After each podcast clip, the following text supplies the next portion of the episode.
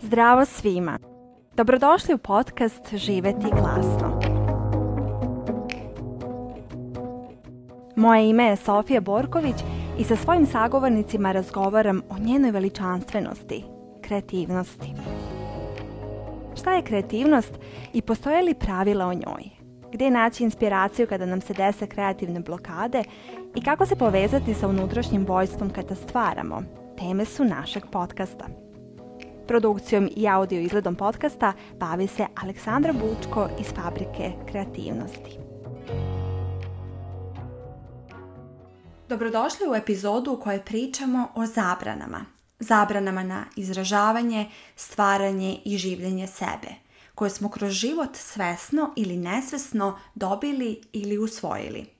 Moj gost danas, doktorka Vanja Bokun Popović, istraživač i inovator, govorila nam je o tome kako da prepoznamo da li živimo u skladu sa našim nervnim sistemom – te nam nagovestila da u onoj meri u kojoj ne dozvoljavamo sebi da radimo stvari koje volimo, u tolikoj meri sebi uskraćujemo moć transformacije i zaceljenja.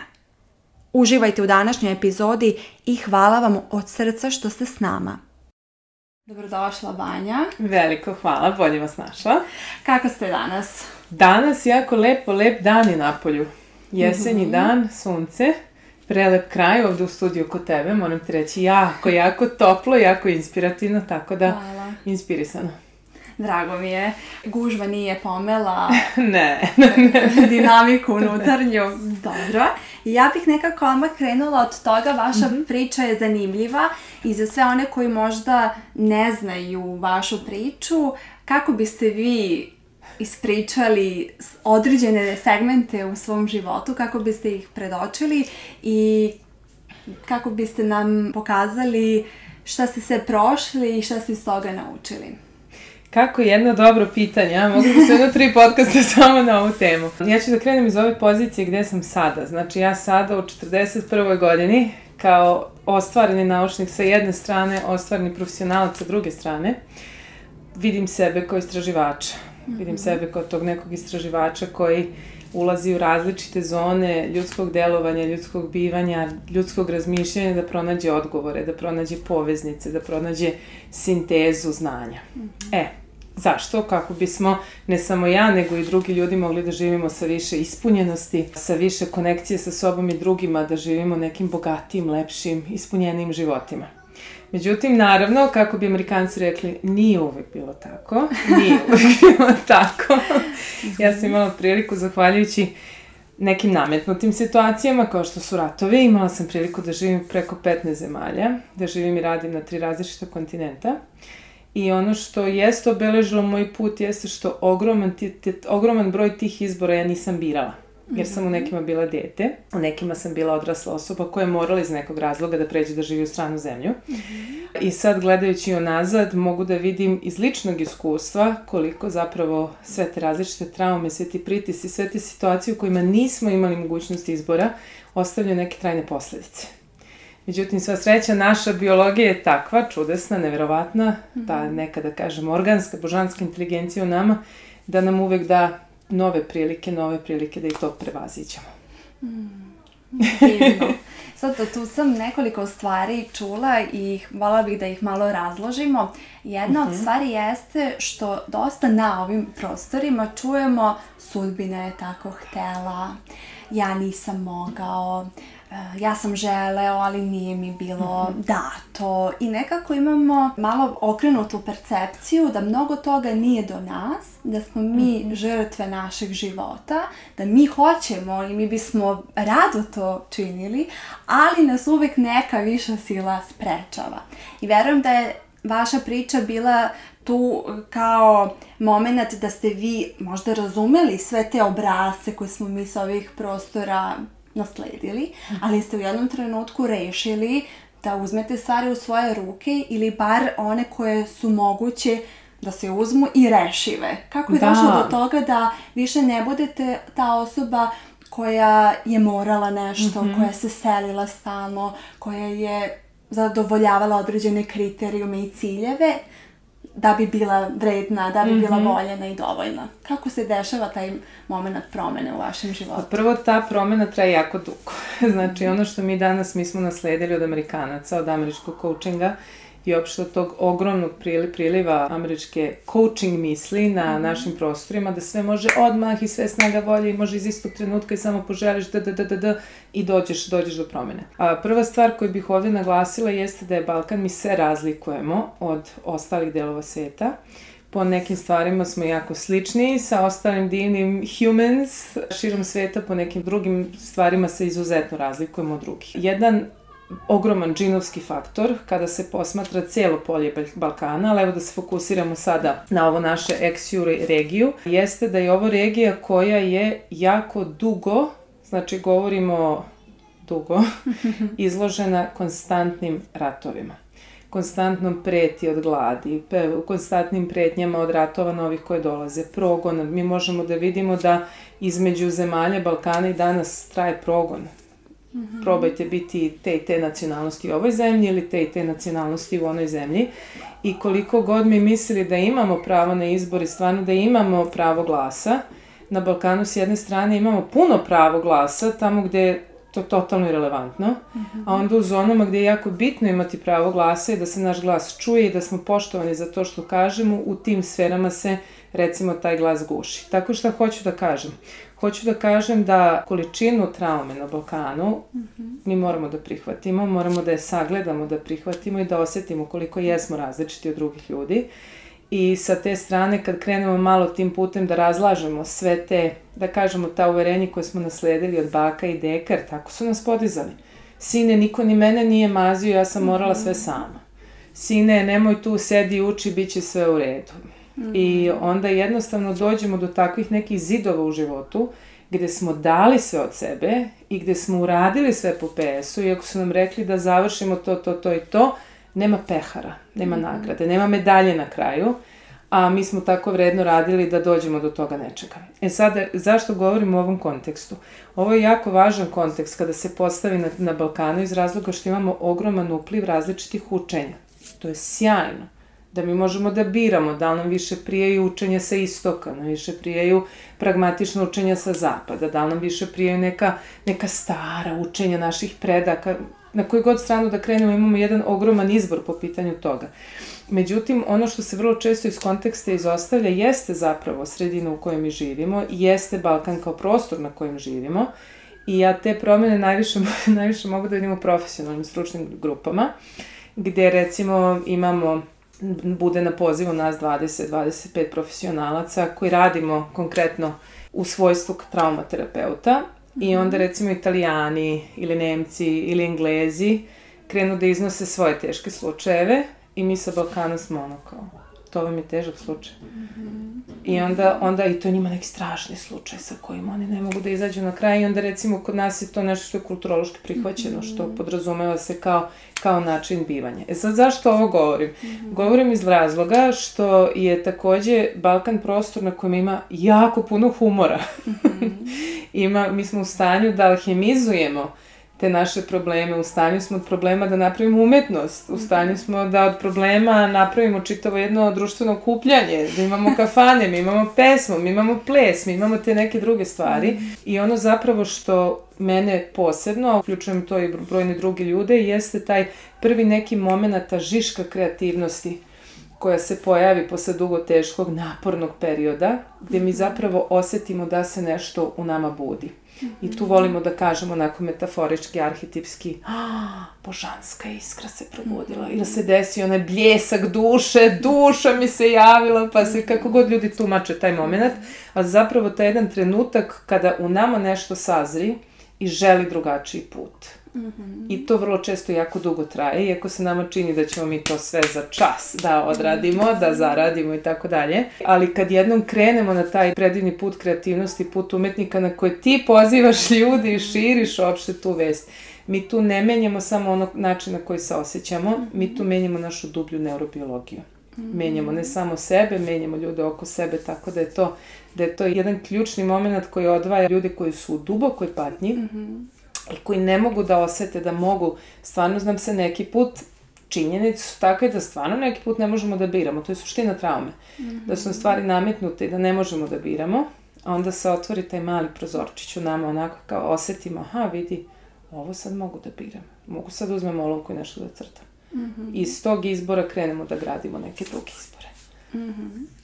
Da li je za to potrebno da razumemo pre svega šta su traume, da se mm -hmm. njima pozabavimo sa stručnim licem, kako bi se desio taj sitni bljesak mm -hmm. iz koga se možda rađa nešto više ili iz druge strane je moguće da nas nešto veće od nas samih pozove kako bismo se time pozabavili. Da li je to mhm. jednosmerno ili je dvosmerno, pošto ste vi stručnjak, kako biste vi to nama predočili? ljudi koji se bave ovom zonom, zonom rada, posebno ljudi koji se bave svim tim što nazivamo desna moždana hemisfera, intuicija, stvaralaštvo, kreativnost, arhetipska psihologija, astrološka psihologija i tome slično, mi zastupamo poziciju nelinearnosti. Znači da stvari nemaju baš svoj neki kauzalni tok, mm nego da se neke stvari dešavaju paralelno. Neke dolaze iz budućnosti, neke osjećamo, predosećamo. I a, tu govorimo takođe o nečemu što se naziva pluralitet. Da shvatimo da smo mi kao jedna celina koja se sastoji od puno nekih malih delova. Naj, najprepoznatljivije ono kad kažemo malo ja moje malo ja, ali imamo mi tu puno nekih malih ja, mm -hmm. pa imamo puno nekih odraslih ja, pa se oni često nalaze u konfliktu i tome slično. Kako bismo lakše odgovorili na ovo pitanje, htjela bi da naglasim da postoje razlike i ovo su razlike koje su ustanovljene na neurološkom nivou. Znači, postoje ljudi koji su vrlo suptilni, čiji nervni sistemi su dosta osetljiviji od nervnih sistema drugih ljudi. Ova grupacija se najčešće naziva intuitivci, empate, senzibilni ljudi, često se naravno prišu vicevi o nama, smeju nam se s polja i tako dalje.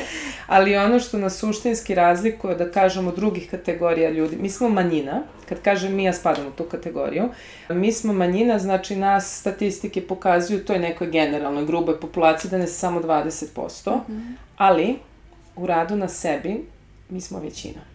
Mm -hmm. Tako da ljudi koji su u startu senzualni, mm -hmm. mi u startu doživljavamo život mnogo dublje. Mm -hmm. Osetimo različite nijanse života, pa njima možemo da dodamo različita značenja. Mm -hmm. Pa nas onda jedno arhetipsko značenje uu, odvede u čitavu neku drugu dimenziju, osjećamo da nas duša je progovorila stavlja me na sledeći izazov, ja sad putujem nekim novim životom, mi, mi smo u stanju, naša mašta podstakne isceljenje samo po sebi, Dok recimo kad nas ljudi slušaju koji nisu baš toliko subtilni i stvarno mhm. nisu, njihov nervni sistem je malo drugačiji, koji imaju više inklinacije ka tom logičkom zamišljanju, razmišljanju o više inklinacije ka linearnom, mm -hmm. ka tome da su 2 plus 2 stvarno 4. Mm -hmm. Kod nas nekad jeste, nekad nije, možda bude 5, možda se rastegne na 10, mislim, sva što može da se desi dok sabiramo 2 i 2. Ta, ta druga skupina, odnosno druge skupine nas često ne mogu da razumeju, jer nemaju taču referentnu tačku po kojoj mm -hmm. možemo da se prepoznamo. E sada,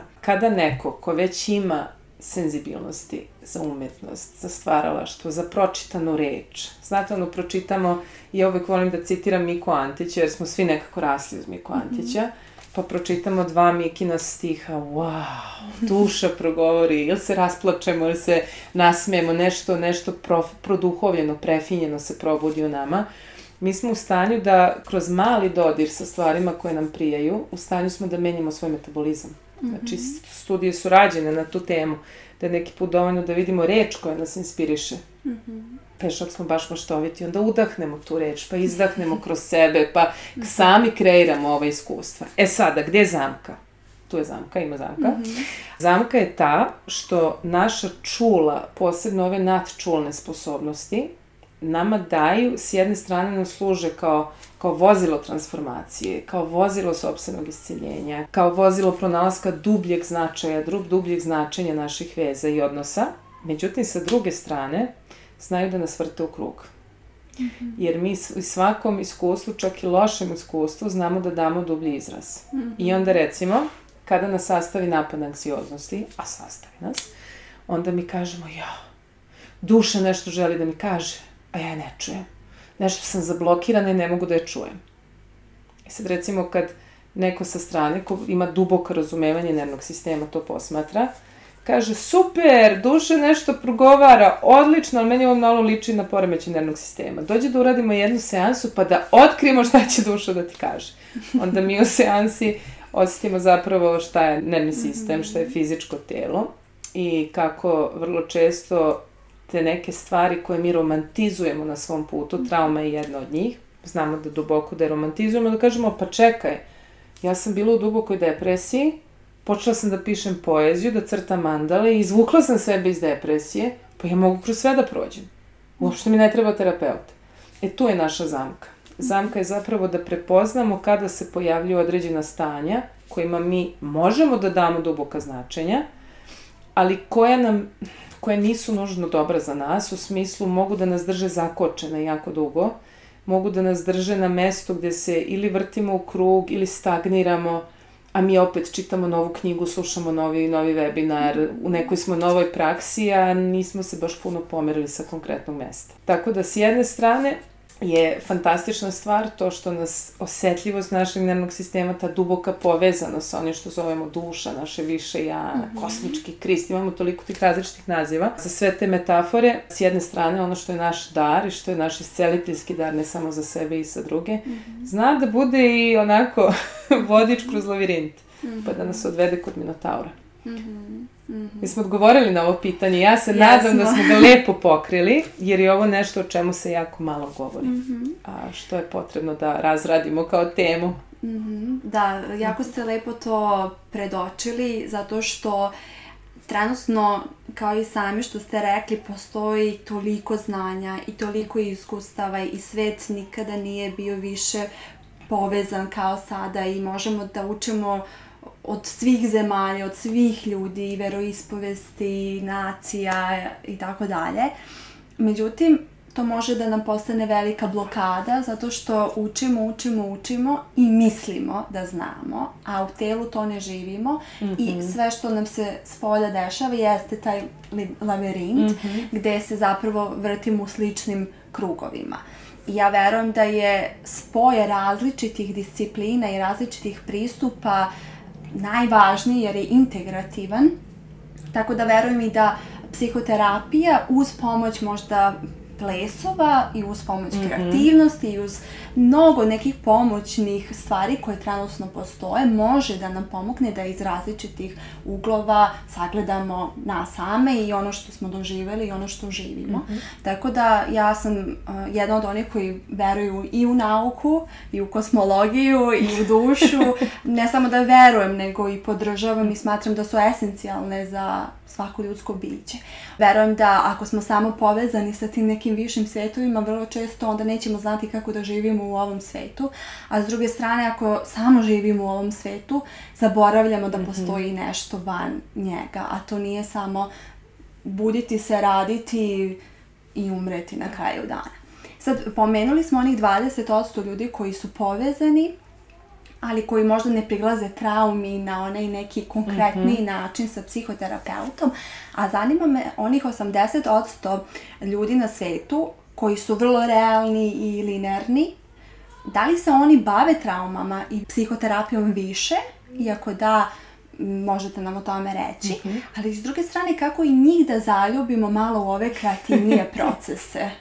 Ovako, prvo da naglasim par stvari. Znači, psihoterapija nije jedna singularna stvar. Znači, nije, kad kažemo psihoterapija, postoje razni pravci u psihoterapiji mm -hmm. i ne bave se nužno svi traumama. Mm -hmm. Znači, da bi se neko bavio traumama i da bi mogao da oceni kad se šta u trauma, procesu isceljenja traume dešava, taj neko mora da je jako, jako, jako dobro potkovan. Mm -hmm. Znači, traumaterapija predstavlja jedan od najuzbiljnijih i najtežih načina pomaganja ljudima u psihoterapeutskom kontekstu, jer se tu pojavljuju teme koje nisu za svakoga. Incest, Mm -hmm. Nije za svačije uho, mm -hmm. nije za svačije telo da može da drži prostor i tome slično. Prva stvar, odnosno prvi problem koji mi imamo na Balkanu jeste što sistemski mi nemamo nekoga ko se zove traumaterapeut. Znači mi uopšte nemamo, nemamo medicinski priznat pravac unutar sistema gde se uopšte trauma tretira kao trauma. Mhm. Znači, kod nas, kao i na zapadu, nažalost, i dalje dominira taj jedan pogled na, na traumu kao hemijsku kombinaciju u telu koja se leči kroz lekove i kroz te neke suplementarne terapeutske procese. Ono što je problematično i naravno postoje razni psihoterapeutski procesi, pošto postoje ovi neki puno maštoviti, kao što mm -hmm. recimo Gestalt, mm -hmm. kao što je IFS, Internal Family Systems, kao što je ti, ti neki dinamični koji su jako povoljni za ljude koji su izuzetno kreativni. Mm -hmm. Dok recimo za ove linearne, mi sad naravno ovo ugrubo govorimo, da, više govorimo o ljudima koji su, da. koji su skloni racionalnom ne kažemo da mi ne razmišljamo racionalno, nego jednostavno ljudi koji, koji jednostavno nemaju te vrste subtilnosti. I takvu osobu kad dovedete kod jednog maštovitog terapeuta, ta osoba će reći, ali ja ne vidim ništa, ja ne osetim ništa. Zato što ima tu vrstu nervnog sistema. Onda za njih je bolje neki drugi pristup mhm. koji kreće od racija, pa se polako usmerava na, kao što recimo, kognitivno-behavioralna terapija. Znači, kada govorimo o psihoterapiji, imamo pravce koji isključuju neke stvari i strogo se fokusiraju na jednu vrstu relacijskog odnosa, dok recimo imamo druge, ja sam integralnog opredeljenja, integralno opredeljenje ne isključuje ništa, uključuje sve. Znači, tu imamo i ples, i crtanje, i raznorazne stvari koje se drže u okviru i kontekstu mm -hmm. paradigme isceljenja trauma i posttraumatskog rasta. E sada, kad se radi konkretno o traumi, isceliti traumu ne znači da će osobi biti bolje. Znači, posle jednog dužeg procesa kada se bavimo izlascima iz teških stanja, izlascima iz depresije, izlascima iz tih raznoraznih, da kažemo, stanja u kojima smo odsečeni od sebe i od drugih, ukoliko ne kultivišemo pozitivna stanja, ona se baš i neće sama po sebi desiti. Znači, neki će se ljudi probuditi jedno jutro i reći, ja od kad nisam sela da pišem. Hoće stvarno, ima mm -hmm. takvih ljudi, ali ima ljudi koji će se koji će reći, znaš, ne boli me ništa, ali ne znam baš kako se. Mm -hmm. Ono što me mučilo me više ne muči, a sad evo mi ga tu neki prazan prostor, ne znam šta s njim da radim. -hmm. Znači, mi kada govorimo o ličnom rastu, posebno ličnom rastu kojem se sistemski, sistemski obraćamo, -hmm. to je proces koji traje. To je proces koji traje koji onda nekim od nas postane lifestyle. Zašto? Mm -hmm. Zato što uživamo u tome. Uživamo u poeziji, uživamo u plesu, uživamo u tim raznim stvarima, jer su ono što nas suštinski hrani. E sada, znači u startu šta, koji izazov imamo na Balkanu? Imamo izazov da imamo jedan ceo region koji je traumatizovan sa puno transgeneracijske traume, intergeneracijske traume koja je normalizovana. Pritom, od svih generacija koje su žive sada, mi otprilike imamo samo jedan mali jaz ljudi koji su trenutno živi, koji su živjeli u zlatno doba. -hmm. Znači, ljudi koji žive sada nisu videli ovu zemlju u boljem stanju. Znate vi šta je to za sistem, šta je to za naše vizionarstvo, šta je to za taj osjećaj da, da živim na polju koje delovanje gde mogu, gde drugi mhm. mogu i tome slično.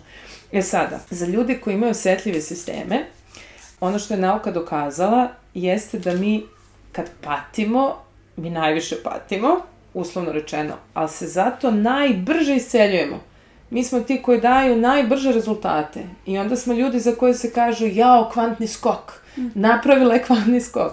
A u stvari je to osobenost subtilnog, senzitivnog nervnog sistema, da može i da ulazi duboko i pa da ima taj skok u pozitivno stanje. Ili ono što bi se u starim tradicijama prepoznao kao šaman.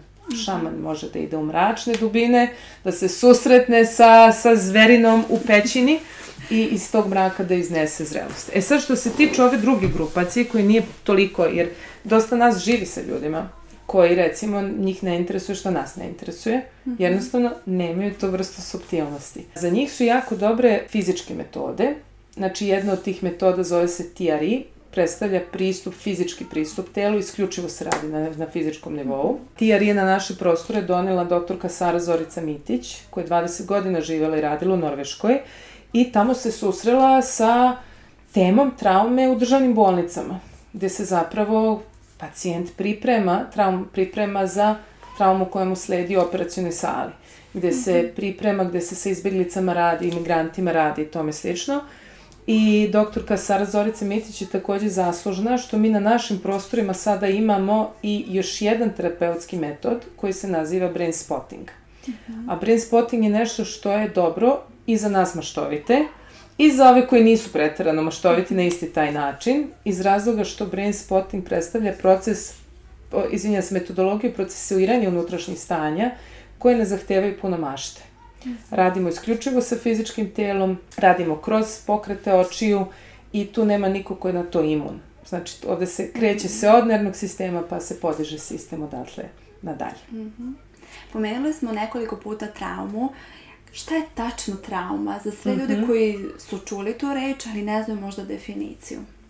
Trauma hvala nebesima, se je konačno počela malo šire da se definiše u stručnim krugovima kao povreda.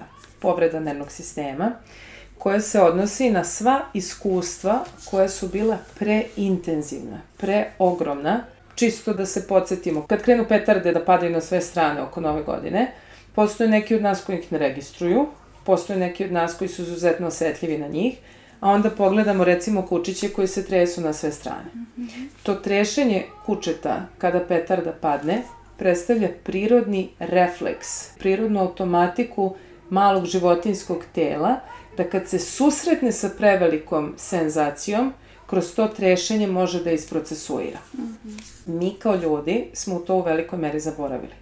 Drugim rečima, kada nam se dese neke ogromne situacije, mogu, to mogu da budu saobraćene nesreće, to može da bude provaljivanje u stan, to može da bude, ako smo deca, da roditelji viču na nas, da nas biju, da nas mlate, da su učiteljice prestroge.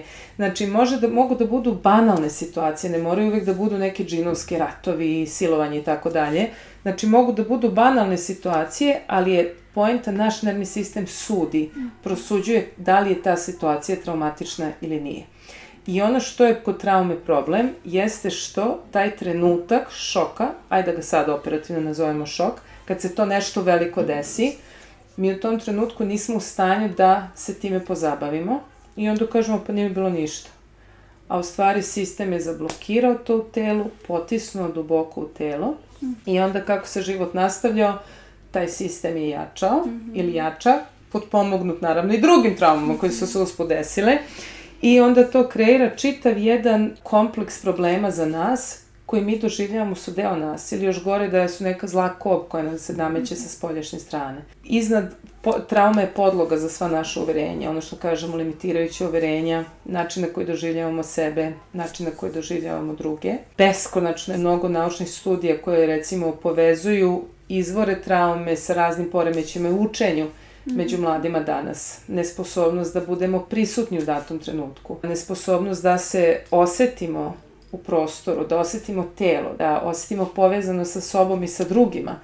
Nesposobnost da se osjećamo sigurni oko drugih ljudi. Onaj glasić koji nam stalno govori da će nešto loše da se desi. Nemoj previše da se raduješ, nešto će loše da se desi.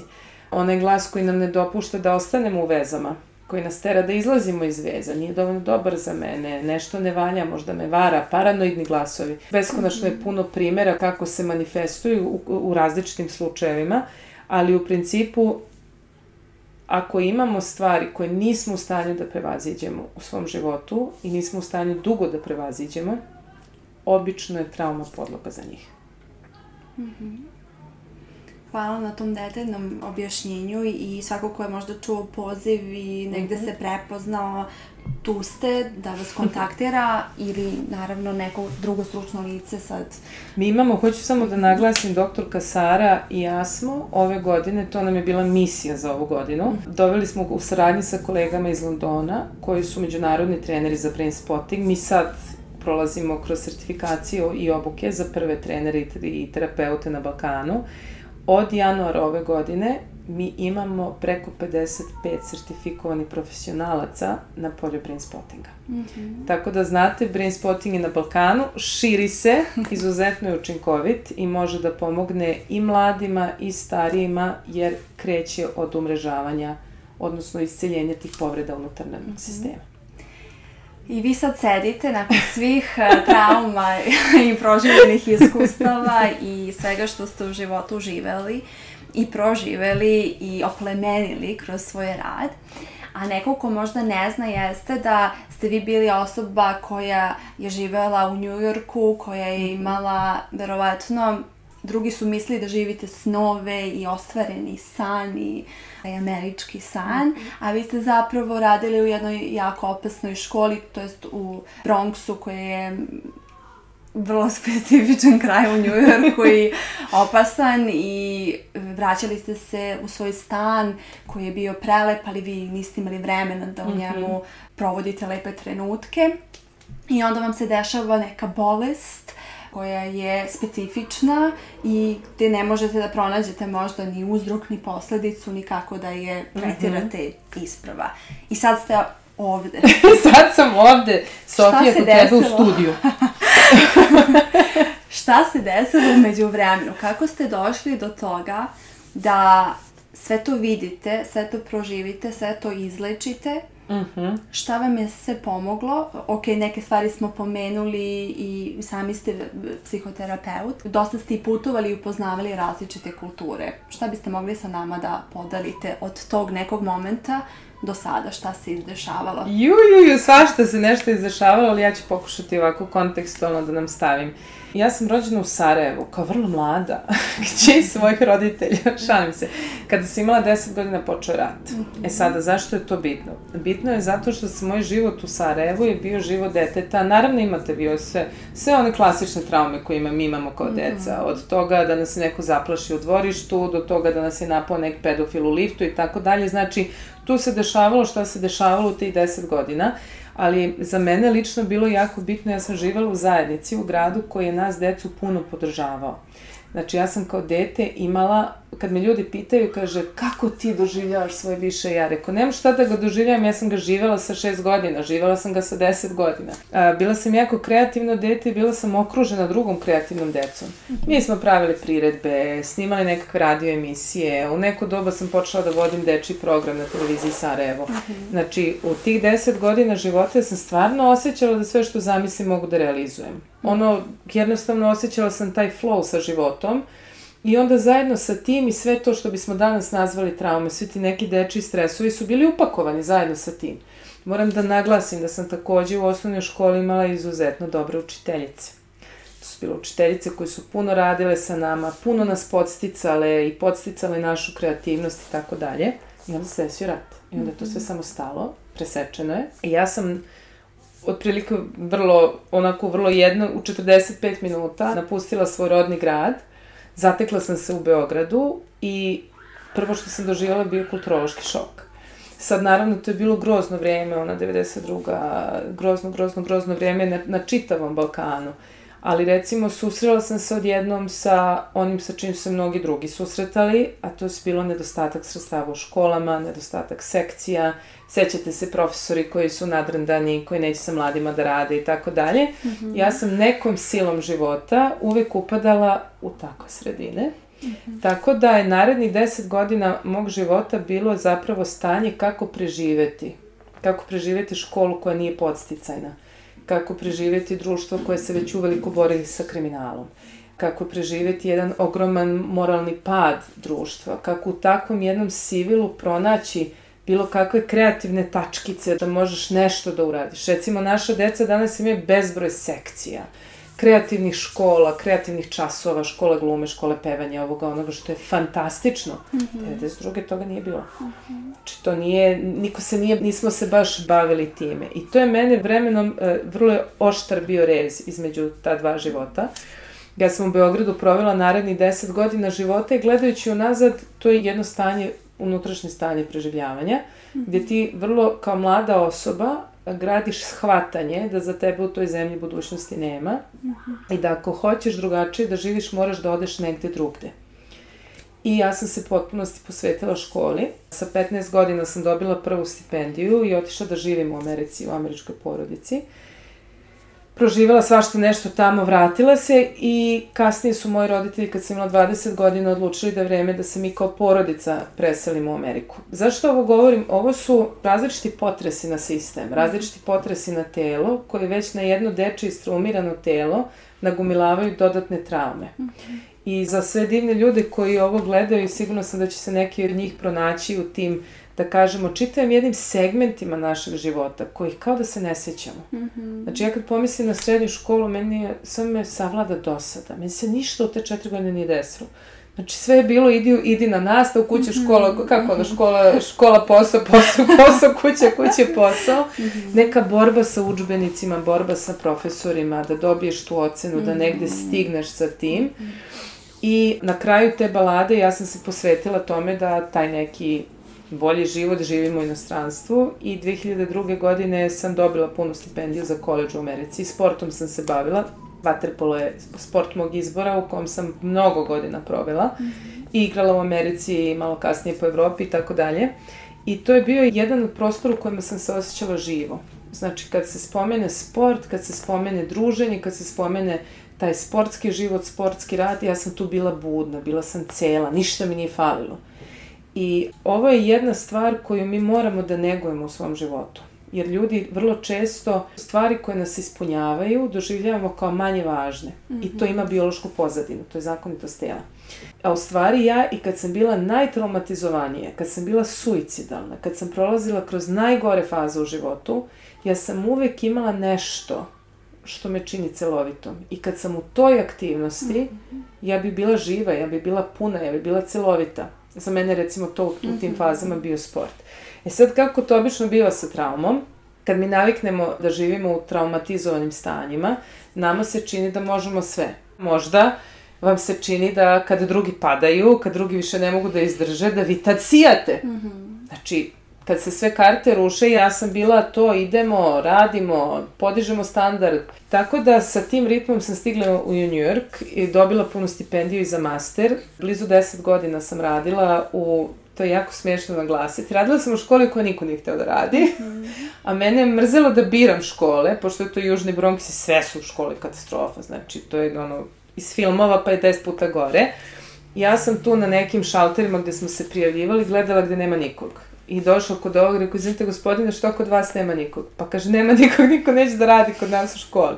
Evo, rekao ću ja, jo, jesi sigurna? Mm -hmm. e, i od svoje 24. do te 23. 24. do 30. sam aktivno radila u Južnom Bronxu.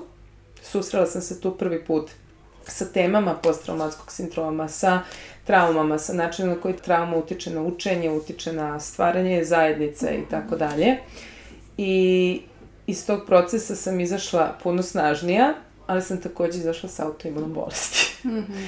Tako da, s jedne strane, prijatelji koji su generalno ljudi oko mene, su kad mene vide, mogli samo da vide uspeh. Znači, ja mhm. sam sve svoje škole odradila na punoj stipendiji. Bachelor, četvorogodišnje škole ekonomije i menadžmenta, četiri godine, preko 100.000 dolara, puna stipendija. Sjajno! Master 1, master drugi, doktorat na kraju, sve su to stvari koje se u modernom vremenu ljudi se cene prema tome kako izgledaju, šta su postigli, šta nose, koliko novca imaju i tome slično. I to je jedna grozna realnost u kojoj živimo. I smatra se da su srećni. Smatra se da su srećni, tako Zato je. što to sve imaju. Da, i ono što sam ja, ja nisam bila svesna svojih trauma. Ja sam bila svesna da je meni život jako težak. Bila sam svesna da mi je život puno teži nego život ljudi oko mene ali sam u jednom momentu to počela da ih da se igram zamenom teza, pa sam se pravila kako je to neka moja super moć. Drugim rečima, zaluđivala sam samu sebe. I onda sam se susrela sa tim da, da sa jedne strane živjela sam onaj pravi Manhattan lifestyle, mm -hmm. to su izlasci, to su večere, to je New York City Fashion Week, to je Miami, to je Las Vegas, to je znači druženje, 20. sam živjela u New Yorku. To je bilo s jedne strane. A s druge strane, znači, radim u grotovu moderne civilizacije. Znači, ono što kaže i Bog je tamo rekao mm -hmm. goodbye. Gledaš u, u sredini ko ne možeš nikakvu promenu da izazoveš, makar ne trajnu promenu, možeš samo da utičeš na ljude oko sebe ili na ljude sa kojima direktno radiš. I tu sam se susrela da postoje dve ja. Jedna koja ide na posao, koja služi, koja je stvarno na životnom zadatku tamo, i ove druge neke glamurozne ja, koje se budi samo vikendom da bi izašla u grad. Mm -hmm i pojavio se moment kad su njih dve morale da upoznaju jedna drugu. Tako da to veliko upoznavanje napravila autoimuna bolest, koje je dovelo do jednog naglog survavanja, kako mog fizičkog stanja, tako mentalnog, tako duhovnog, tako jednog suočavanja sa ovako dalje ne može. Tako da sam ja u toj fazi bila tipičan primer, znači možete da me stavite na poster ovoga o čemu pričamo, moderne žene koja na papiru ima sve. Mm -hmm a ima autoimunu bolest. Mm -hmm. Autoimune bolesti su još pre dve, tri godine među ženama prešišale rak kao broj 1. Mm -hmm. Autoimune bolesti među ženama su najbrže rastuće bolesti. I ovo je samo jedno onako veliko pitanje da postavimo, šta mi sami sebi radimo. Mm -hmm. Podloga mojih problema jesu bile traume, ne, neiscenjene, neproživljene i život koji nije u skladu sa mojim nervnim sistemom. Od te 30. godine kad sam napustila New York City, jednostavno bila sam svesna da tu više ne mogu da, da ostanem da živim, da ću da se ubijem, znači da, ću da, da, da će nešto strašno da mi se desi. Ja sam napustila New York City, otišla prvo na Bali, kasnije proputovala još svet i na kraju se smestila ovde na Balkanu. I od, u tih deset godina sam zapravo napravila najveći životni rast, do, mogu da kažem, kulminacijom je u 41. godini, gde sam postigla sve ono što u prethodnih 20 godina nisam mogla, nisam mogla ni prstom da maknem. Tako da, moja poruka jeste da se zapitamo koliko život koji živimo, svi smo podložni ovome, od moderni život gazi, mm. mislim, to, to su, to je činjenica. Ali vrlo bitno pitanje u kojoj meri dopuštamo sebi da ne radimo stvari koje volimo, jer nas one regenerišu, obnavljaju, mm. i u kojoj, sme, u kojoj meri smo u stanju da ignorišemo i normalizujemo mm. stvari koje nas muče. Anksioznost ne sme biti normalizovana. Depresivno stanje ne sme biti normalizovano. Mm -hmm. Autoimune bolesti ne sme biti normalizovane. Tako da ja sam uspela tada da se samo posvetim isceljenju fiz sa fizičke strane, mhm. isceljenju autoimune. Uspela sam tada u tome, ali naravno kao što je stvar sa autoimunim, mm -hmm. mogu da se zaigram dve, tri godine da se ona vrati bez problema. Mm -hmm. Tako da upravo sve ove stvari koje ti radiš i ove teme koje pokrećeš, one su u samoj srži. Mm -hmm. Samoj srži, da kažemo, istinski zdravog života. Mm -hmm. Hvala ti na tome. Hvala uh, tebi na uh, tome da si podelila priču sa ljudima koji ovo trenutno gledaju i koji će naknadno slušati, jer ja zaista verujem u podeljene priče i u to da kada čovek ispriča svoju priču, da će makar još pet osoba reći i ja, mm. i meni, ili nešto slično sam proživao da. ili proživela, ili sam se osjećala slično, kao da. ti, bez obzira što je scenario možda bio drugačiji, tako da i ja, i ti, ovaj, sam doživela slične stvari, u tom smislu osjećajno slične stvari, gde sam imala osjećaj da mogu sve i da mogu sa svetom, ali sam toliko nekako ispunjavala želje mm. drugih koje mi nisu čak ni bile izrečene, niti nametnute. Neko... Senzualac, intuitivac, empata, izvolite, da. se da. preživi, da, da se da. preživi, jer sam negde verovatno pokupila da je to pravac za sreću i za uspeh i da kada imaš dobre ocene ili imaš prijatelje, imaš hobije, o tebi se ne promišlja puno, znači mm -hmm. nisi problem. Ne mora da se rešava nešto. Mm -hmm. Jer kod nas, kada si dobar đak, kada, si, kada imaš prijatelje i neke hobije, ne priča se, dobar je, ide. Da, ne... da, da, odličan, odličan, uči, radi, Tako vredno dete. Da. Fokus je uvek na ne, nečemu što ne ide ili nije dobro. Tako da sam ja to negde ukačila da što sam ja bolja, manji sam problem i ovaj, došla sam do tačke da ja to živim neki život koji je ljudima s polja možda lep i glamorazan, mm -hmm. ali ja dođem kući i nemam čak ni mleku u frižideru, ne vidim smisao svega da. toga, da. ne znam koliko će trajati mm -hmm. i šta ja uopšte želim. Da, strašno mogu pitanje. sve, ali ne znam šta hoću. Pre toga sam dosta i radila na sebi i čitala knjige i bavila se raznim Molim nekim... Molim vas, pratite pažnju, Sofina biblioteka. da. Ima toga još, sam da znate ovde sa strane. da, ove, ima još tu knjiga da. koju sam pročitala. Međutim, sebi sam dala dozvolu, zato što sam imala tipa 26, 7, 8, mm. da sve to ostavim ako treba, da napustim sve te svoje ideale i tuđe možda želje i potrebe i da poslušam ono što sam ja zaista želela, iako nisam znala šta će iz toga da. izaći, da. ni kako će se to sve završiti, samo sam pratila taj osjećaj radosti. Da. I kad sam počela da ga pratim, tako je nastao moj blog Živeti glasno, mm. a to mm. za mene znači živeti sebe, živeti ono što jesi, i znaš da je nešto i nesavršeno mm -hmm. i mhm. da je možda u progresu i da treba na tome i da se radi, da se vežba, ali to je to, živim sebe u ovom trenutku i ne bojim se da to što sam ja pokažem svetu i da podelim sa svetom. I odatle je zapravo sve to da. nekako i raslo i došli smo sada do toga da i program koji sam stvorila jeste namenjen baš kao vrsta podrške ljudima koji bi želeli da žive neke svoje kreativne porive i radosti i nešto što su davno zakopali, mm. nekad su želeli i tačno znaju i kada su želeli da. i šta su želeli, ali onda su došle godine koji su pojeli skakavci, ali im vraćamo smisao kroz program. I jedan od modula jeste upravo i nakon Vukovca kreativac. Divan, divan koncept. Kada smo uh -huh. sve mhm. to u životu naučili i savršeni smo u nekim segmentima, vratiti se sebi, isprvo biti detinjast i nezgrapan mm -hmm. i nesavršen je zaista veliko umeće za mnoge ljude koji su posebno, ako su duže bili na određenim pozicijama, imali određene da. plate, klanjalo im se ili ne znam nije šta, da se vrate u tu detinjastu ulogu, ne, neću reći teško, ali onako malo neprijatno možda.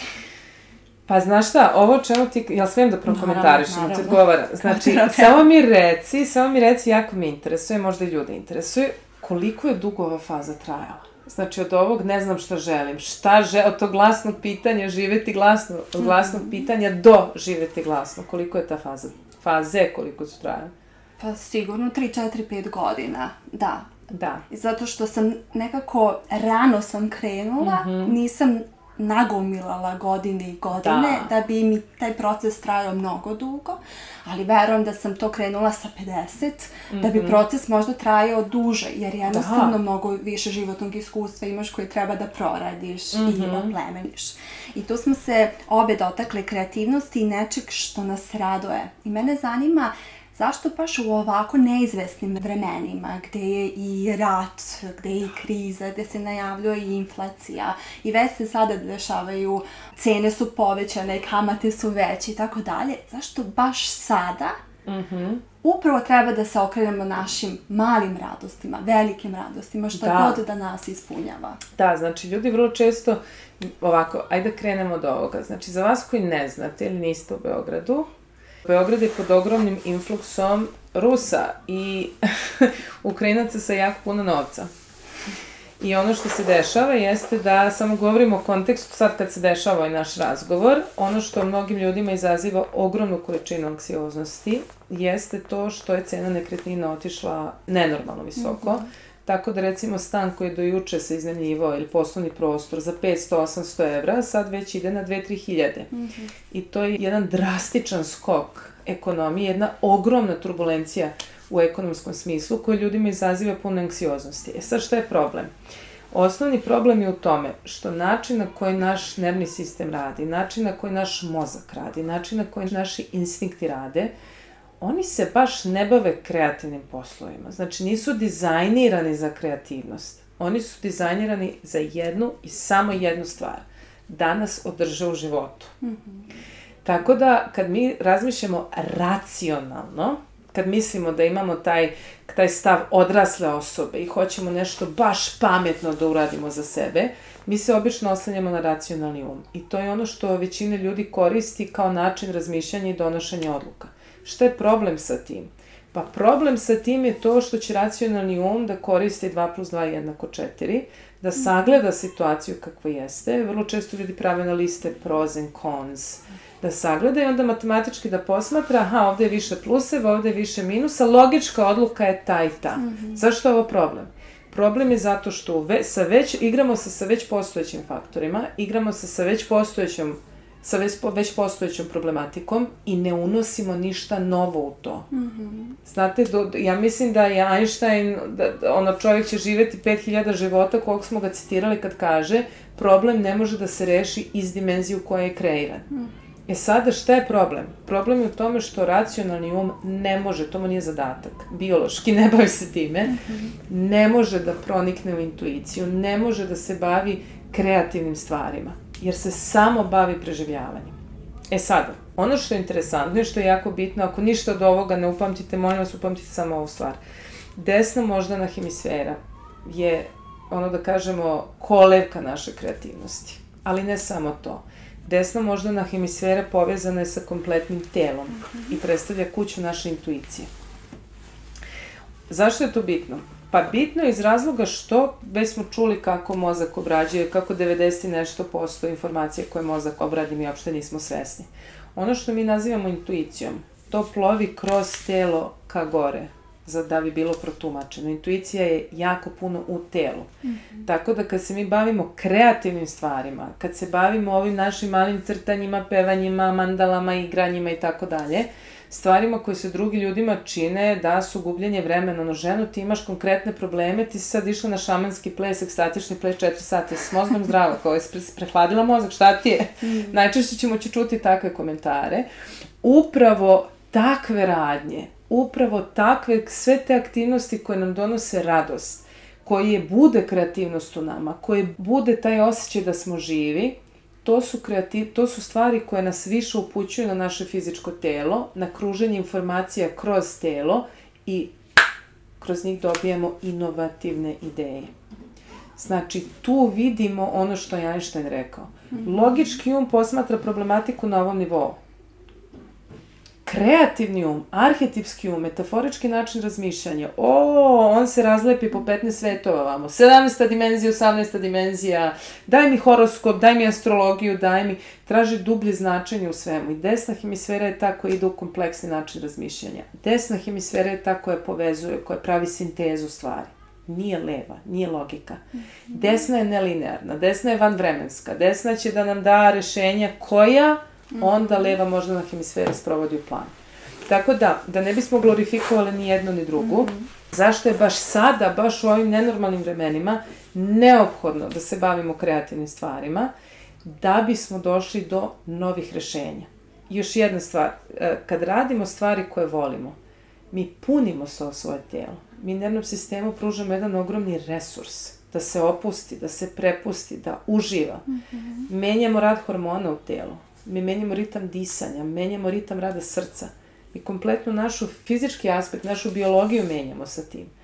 I ako nećemo da dolazimo do nekih novih kreativnih rešenja, što kažemo, sin, imam novi uvid, oni će da se desi kao posledica toga. Mm. Tako da, u ovakvim vremenima kreativnost je ključna i kreativnost je takođe ono što otključava stres u nama. Stres će da nas zaključa, zabranit će kreativnu misao, jer ne daj Bože da se ode na neki ples, mm -hmm. kad vamo imamo ozbiljne račune da plaćamo i tako mhm. dalje. Posebno ako smo majke i žene i tome slično. I iz tog razloga ne mogu da kažem, ali go reći ću sa punim pravom, da je upravo kreativnost i sve ove stvari koje smo nabrali, koje volimo da radimo, su zapravo biološki imperativ ako mhm. ćemo da dođemo do novih, novih rešenja. Hvala puno. A šta je za vas kreativnost? Za mene? za mene je kreativnost sposobnost da živimo sobstvenu kompleksnost. I kad to kažem, mislim na osjećaj života u ritmu sa životom, da se krećemo sa životom, u ritmu sa životom mm -hmm. i da, da posmatramo da smo u interakciji sa, sa svetom oko sebe, u interakciji sa ljudima, u interakciji sa predivnim drvetom koji ovde raste, da možemo da istražujemo neka naša duboka interesovanja, da možemo da da osetimo kakvi su to impulsi koji nas dozivaju, šta se to novo budi u nama, šta želi zajedno sa nama da se igra. Kod kuvanja, koje namirnice žele da se pojave u ovom obroku. Mm -hmm. I onda da jednostavno u toj interakciji da se živi jedan život sa puno više ispunjenosti. Da kažemo, ispunjenost je tu broj jedan kvalitet koji ja lično smatram važnim iz razloga što kad smo ispunjeni, baš nam se puno fućka i za to koliko imamo para na računu i da će biti rata, neće biti rata. Ali ovo naravno kažemo s dozu rezerve jer znam dosta izuzetno kreativnih ljudi koji nemaju puno razvijen logički um. Mm -hmm. I onda se često ponašaju ko razmažena deca, zapravo su odrasli ljudi. Mm -hmm. Znači, ovde govorimo o pravoj meri kako možemo da budemo odrasli ljudi koji ispunjavaju svoje obaveze prema sebi i prema društvu, a opet da smo na, da kažemo da imamo čitav ovaj jedan ogromni, bogati svet koji je zapravo ujedinjenost nas samih između mhm. kreativnosti i logike razuma, mhm. između nelinearnog i linearnog, između vanvremenskog i vremenskog, tako da možemo da više damo i sebi i drugima. Mm -hmm. Verujem da nas sad svet i uči da e, držimo dve oprečne informacije i da nam obe budu i logične i magične u isto vreme, jer e, ići samo za jednim ili drugim postaje nefunkcionalno mm -hmm. za sve mhm. nas i osjećamo to u manjoj ili većoj meri. A mene zanima, pomenuli ste da ste negde na našim prostorima razumeli kako uspeh može da se ostvari na polju, u inostranstvu, a sada ste ovde i živite mm -hmm. sebe i tu ste, znači da vam je lepo. Zanima me ono naše čuveno da e, od onoga što voliš da radiš, ti ne možeš da zarađuješ. Od umetnosti da zarađuješ, da živiš od nekog kreativnog posla koji te ispunjava, to je maštarija.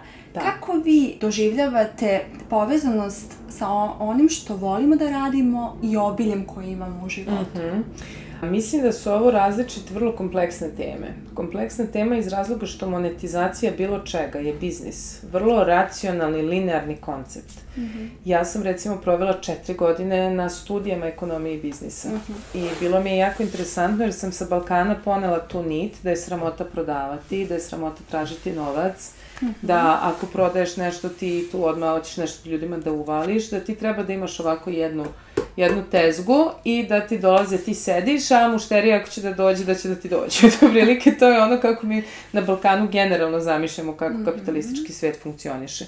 Međutim, vrlo sam brzo u Americi dobila sjajne mentore u, na polju biznisa, koji su zapravo počeli da mi objašnjavaju marketing i prodaju kroz saosećanje.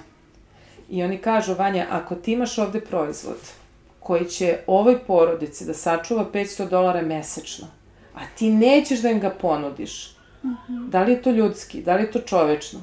Oni mogu da sačuvaju, recimo, da uštede 5000 dolara godišnje. To je čoveče, to je godišnji odmor, to su pare za ušteđevina za decu, to su neke konkretne stvari. I ti prvi mentori su me učili da je prava, ono što se kaže, prodaje sa, iz duše, prodaje iz srca, zapravo sa osjećanje.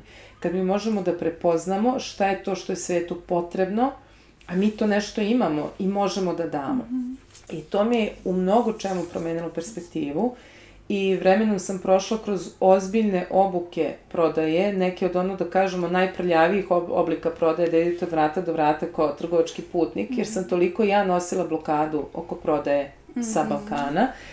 I onda sam u jednom momentu zapravo poželela, pošto je kao što smo rekli, Balkan je jedno vrlo specifično mesto. Ja inače sam prava Balkanka, mene ako pitate, ja bi na Balkanu uvek živela i samo putovala na ova druga mesta i, ili recimo otišla da živim neko vreme pa se opet vratila.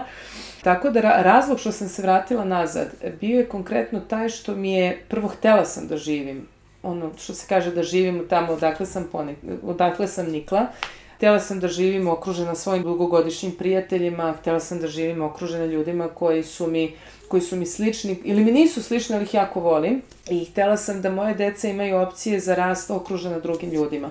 Amerika i Zapad postoji dosta fizičke distance između ljudi, nema pešaka na ulici osim ako niste u Njurku i tako dalje, tako da sam htela tu vrstu podizanja i odrastanja za njih. Druga stvar je što ljudi koji znaju da zarade na Balkanu mogu na Balkanu da žive jako kvalitetnim životom, za koje bi u Americi morali da zarađuju ogromne pare. Znači, ta vrsta života ovde i vrsta života u Americi je nebo i zemlja. I ja na Balkanu vidim puno, puno prilika za rasti, puno prilika za ono što se kaže za zarađivanje toga što, što volimo. Međutim, ima jedan mali problemčić koji ljudi vrlo često preskaču. A to je da je business mindset, strukturiranje posla, vođenje posla, monetizacija tih darova koje mi želimo ljudima da damo, to je konkretno znanje i proces. Znači, kad to kažem, tu nam treba vođstvo, tu nam treba vrlo specifično znanje, kako se registruje firma, koju firmu da registrujem, na koji način da poslujem, sa kim da poslujem, da li imam ekspertizu na tom polju, koje rezultate ljudima mogu da radim, sa kim smem da radim, sa kim ne smem da radim, koje su opasnosti ako pružim uslugu, koje su kontraindikacije moje usluge. Ono gde smo mi trenutno u problemu jeste što ima puno maštovitih ljudi koji zaista žele sjajne stvari ljudima da daju, ali još uvijek nisu potkovani za to. Mm -hmm. I sad je recimo trauma je reč koja je wow, nervni sistem je reč koja je wow, mm -hmm. i onda neko ko je prošao nekoliko recimo terapija, odluči jedno jutro se probudi, pročito je dve knjige i kaže, e, mogla bi ja da budem mm -hmm reiki healer, traumaterapeut i tako dalje. I susrećemo se trenutno sa dosta toga na tržištu. Verujem da i u tvom polju ima ima takvih momenata. Tako da finaliziram, mislim da je ovo da je Balkan mesto na kojem mi možemo izuzetno puno da damo. Mislim da ljudi koji su kreativni, koji su senzibilni, koji su intuitivci, koji su empate, jako puno već daju. Mm -hmm. Samo nemaju možda svest u ko, na koji način mogu da daju još više i na koji način to mogu da pretoče u svoju karijeru. Mm -hmm. I to je proces. Mm -hmm. Jedan proces tako da se ljudi ne plaše da taj proces neki put traje. Da. Dve godine, tri godine, četiri godine pripreme za izlazak na tržište. Mm -hmm. I da to jeste biznis model. da to je posao. da. Dotakli ste se da ako nekom nešto ne prodamo, mi ne možemo ni da mu pomognemo na neki način. Mm -hmm. Međutim, kod nas postoji to neko uvrženo mišljenje da zašto bi naplaćivao nešto što je pomagački. Ljudi sada veruju da je ok kupiti ogrlicu, jer je to neko pravio i to je prosto sistem. Postoji yes, butici, da. odeš i kupiš.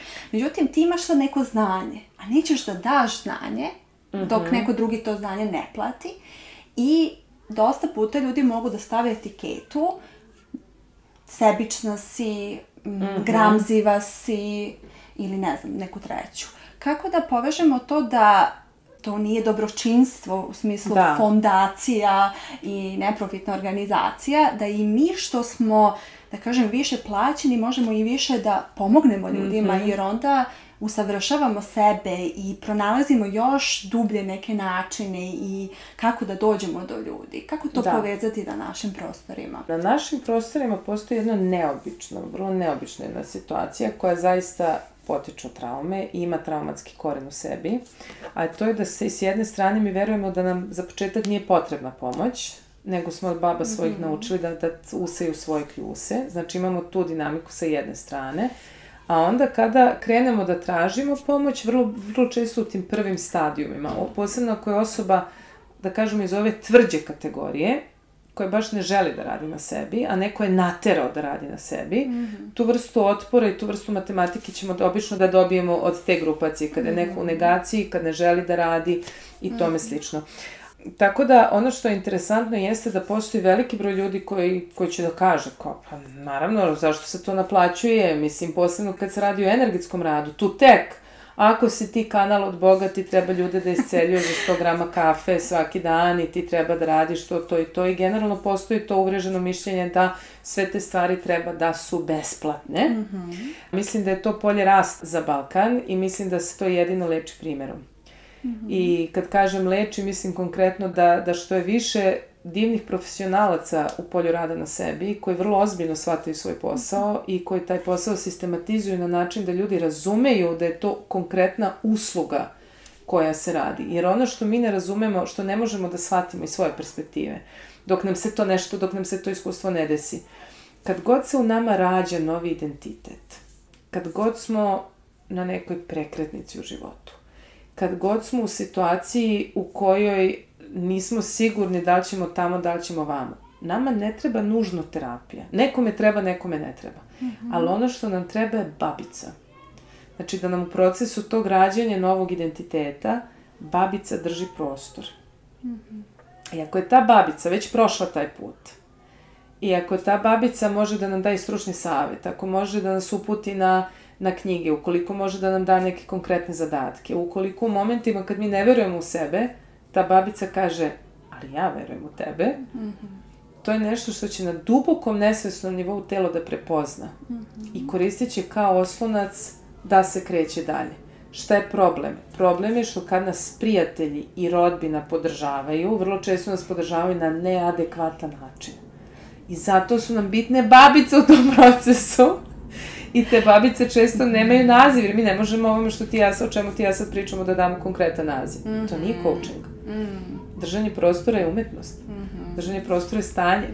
Držanje prostora je nivo bivanja. Mm -hmm. Tako da ja se, ja se toliko radujem da ljudi kao ti, da neki drugi jako divni mladi ljudi, profesionalci zapravo uče ljude da ove opcije rada postoje, mm -hmm. da uče ljude da nismo vračare, nismo gatare, ne radimo za 100 grama kafe i da je nekima od nas ovo profesija, znači isključivo se bavimo ovim, posvećeni smo etički da da se unapređujemo i da pomažemo ljudima na taj način. Mm -hmm. Tako da, odgovor je primjerom, primjerom i samo primjerom. Da, i ja volim ljudima na svom programu da kažem da ja nisam neko ko ima istinu i ko mm. zna sve, jer ja to sve prolazim iznova i iznova u ciklusima. Mm -hmm. Neke cikluse sam možda prošla malo ranije i zatvorila ih i mogu da budem tu za tebe mm -hmm. u mhm. tim tvojim početnim ciklusima, ali nisam neko ko je popio svu pamet, već neko ko je samo prešao određeni da. deo puta i nastavio. Da, Nisam stala. Da, da, to je da, da, nastavila da, da, da, sam sa svim burama i sa svim stvarima koje su se dešavale i lepo ste to pomenuli babice, jer vrlo često ako sa našim kreativnim idejama ili bilo kakvim idejama odemo među naše ukućane ili među naše prijatelje možda koji to ne razumeju, to im nije da. m, mesto bavljenja, njih to ne interesuje. Volim da ljudima kažem da ovaj, nas najčešće ne zaustavljaju negativni komentari, mm -hmm. već zabrinuti komentari osoba koje nas vole. da, ili još to gore. To previše poljulja zapravo. Da, potpuno se slažem, ili još gore kad imamo ljude koji previše veruju u nas. Mm -hmm. I onda recimo mi osetimo da nam je pomoć potrebna i kažemo, ma ti to sve znaš, ma ajde, molim te, ti to, ti imaš već sve te odgovore u sebi. I naš sistem to prepoznaje kao neistinu. Mm -hmm. A zapravo kad smo sa nekim koji je usklađen sa nama, sa profesionalcem koji je to prošao, ko, ko zna različite faze, ko zna šta je potrebno u kojoj fazi, taj, naše tijelo će osjeti istinu u tom odnosu. I kad nam ta osoba kaže, znaš, znate, ja nisam spremna za sledeći korak, mi slušamo. Mm -hmm. Kažem, hm, ajde vidimo zašto, šta se tu krije. Mm -hmm i tu ulazimo u dublje slojeve koje omogućuju osnaženje i omogućuju da se krećemo u skladu sa sobstvenom istinom. I samim tim raste samopouzdanje, raste naša sposobnost da uradimo više, da dajemo više i, i samim tim ljudi razumeju da je to profesija, da to nije da to nije igramo se sa kaficom i gatimo šolju, mm -hmm. nego je posao. Mm -hmm. Vi ste neko ko je isto prošao svoj kreativni put mm -hmm. kada ste pisali svoju knjigu i kada ste je izdali. Šta vam je taj proces doneo u životu? Čemu vas je naučio? Jo, taj proces je bio show program. Znači, ja imam nekoliko izdatih knjiga koje, neke od njih ponovili smo dva, tri izdanja, nešto tražio se neki specijalni papir, nismo ga još nabavili, tek treba da idemo u nova izdanja. Ali prva knjiga bila mi Gradimo novi svet. Mm -hmm I ono što je specifično, ta knjiga je zapravo bio moj omaž devojčici. Ja sam imala 10 godina kada sam dobila prvi, što se kaže, publishing deal. Dobila sam ponudu za izdavačku kuću, pišem roman. I presmešno je sada kad gledam unazad i totalno mi je fascinantno da je neko verovao u mene kad sam imala 10 godina da ću napisati neku dečju knjigu. Mm -hmm. Ja sam tad počela da pišem tu knjigu. Naravno u mojoj glavi to je bio neki Lesi. I knjiga se simbolično zvala Lesi se vraća kući. da bih tek 20 godina kasnije, ta knjiga mene nikad nije ostavila na miru, znači, mm -hmm. stalno mi je drobio taj nezavršeni aspekt, kao zašto, kako, kad će, kao jedan zadatak koji ja moram da završim, inače mm -hmm. mi je mhm. pisanje ceo život nešto što me prati. I onda sam u jednom momentu samo presekla i rekla, ja ne znam šta će ova knjiga da bude, ali ja knjigu moram da napišem. Mm -hmm. I to je bio period kad mi je bio tako zauzet život. Znači, sin mi je bio mali, godinu dana suprug i ja živimo u stranoj zemlji, u Italiji smo tada živjeli, nemaš nikog da ti pomogne, online, u online si svetu non stop. Ja sam tada kontaktirala Žanu Polijakov, jer je ona izbacila svoj mentorski program i rekla, Žana, molim te, pišemo knjigu, ništa me ne pita i knjigu pišemo i objavljujemo. Tako da je ta knjiga bila jedan završetak mog ličnog ciklusa mm -hmm. i takođe je bila završetak, da kažem, stavila mi je onako i puni krug, tačku na jednu fazu, na fazu perfekcionizma. Knjiga kada je otišla na štampu, odnosno kada je otišla na prelom, mi nismo uočili da je otišla RAW verzija. Da nije otišla lekturisana verzija, greška je napravljena u koracima. Tako da je na štampu otišla verzija koja je puna grešaka. Ja to kad sam videla, kad sam otvorila knjigu, naravno strefio me šlog. Već smo ištampali ceo tiraž. I onda sam rekla, ja ovo puštam u svet. Mm -hmm. Pustila sam, tu sam osetila da perfekcionista nema šta na to da kaže.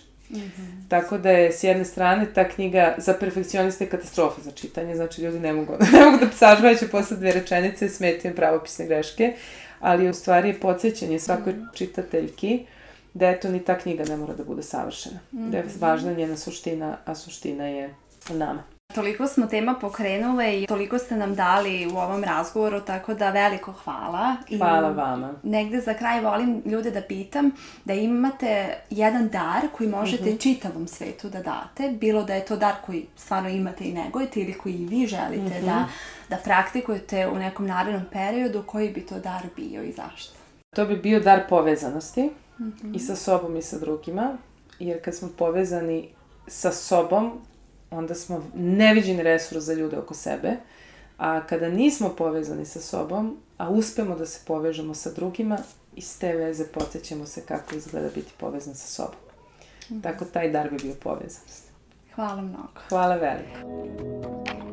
Hvala što ste poslušali ovu epizodu podcasta Živeti glasno. Nadamo se da ste za nijansu više ohrabreni, ispunjeni ili inspirisani. Do naredne epizode želim vam mnoga lepa i kreativna ostvarenja. Pozdrav!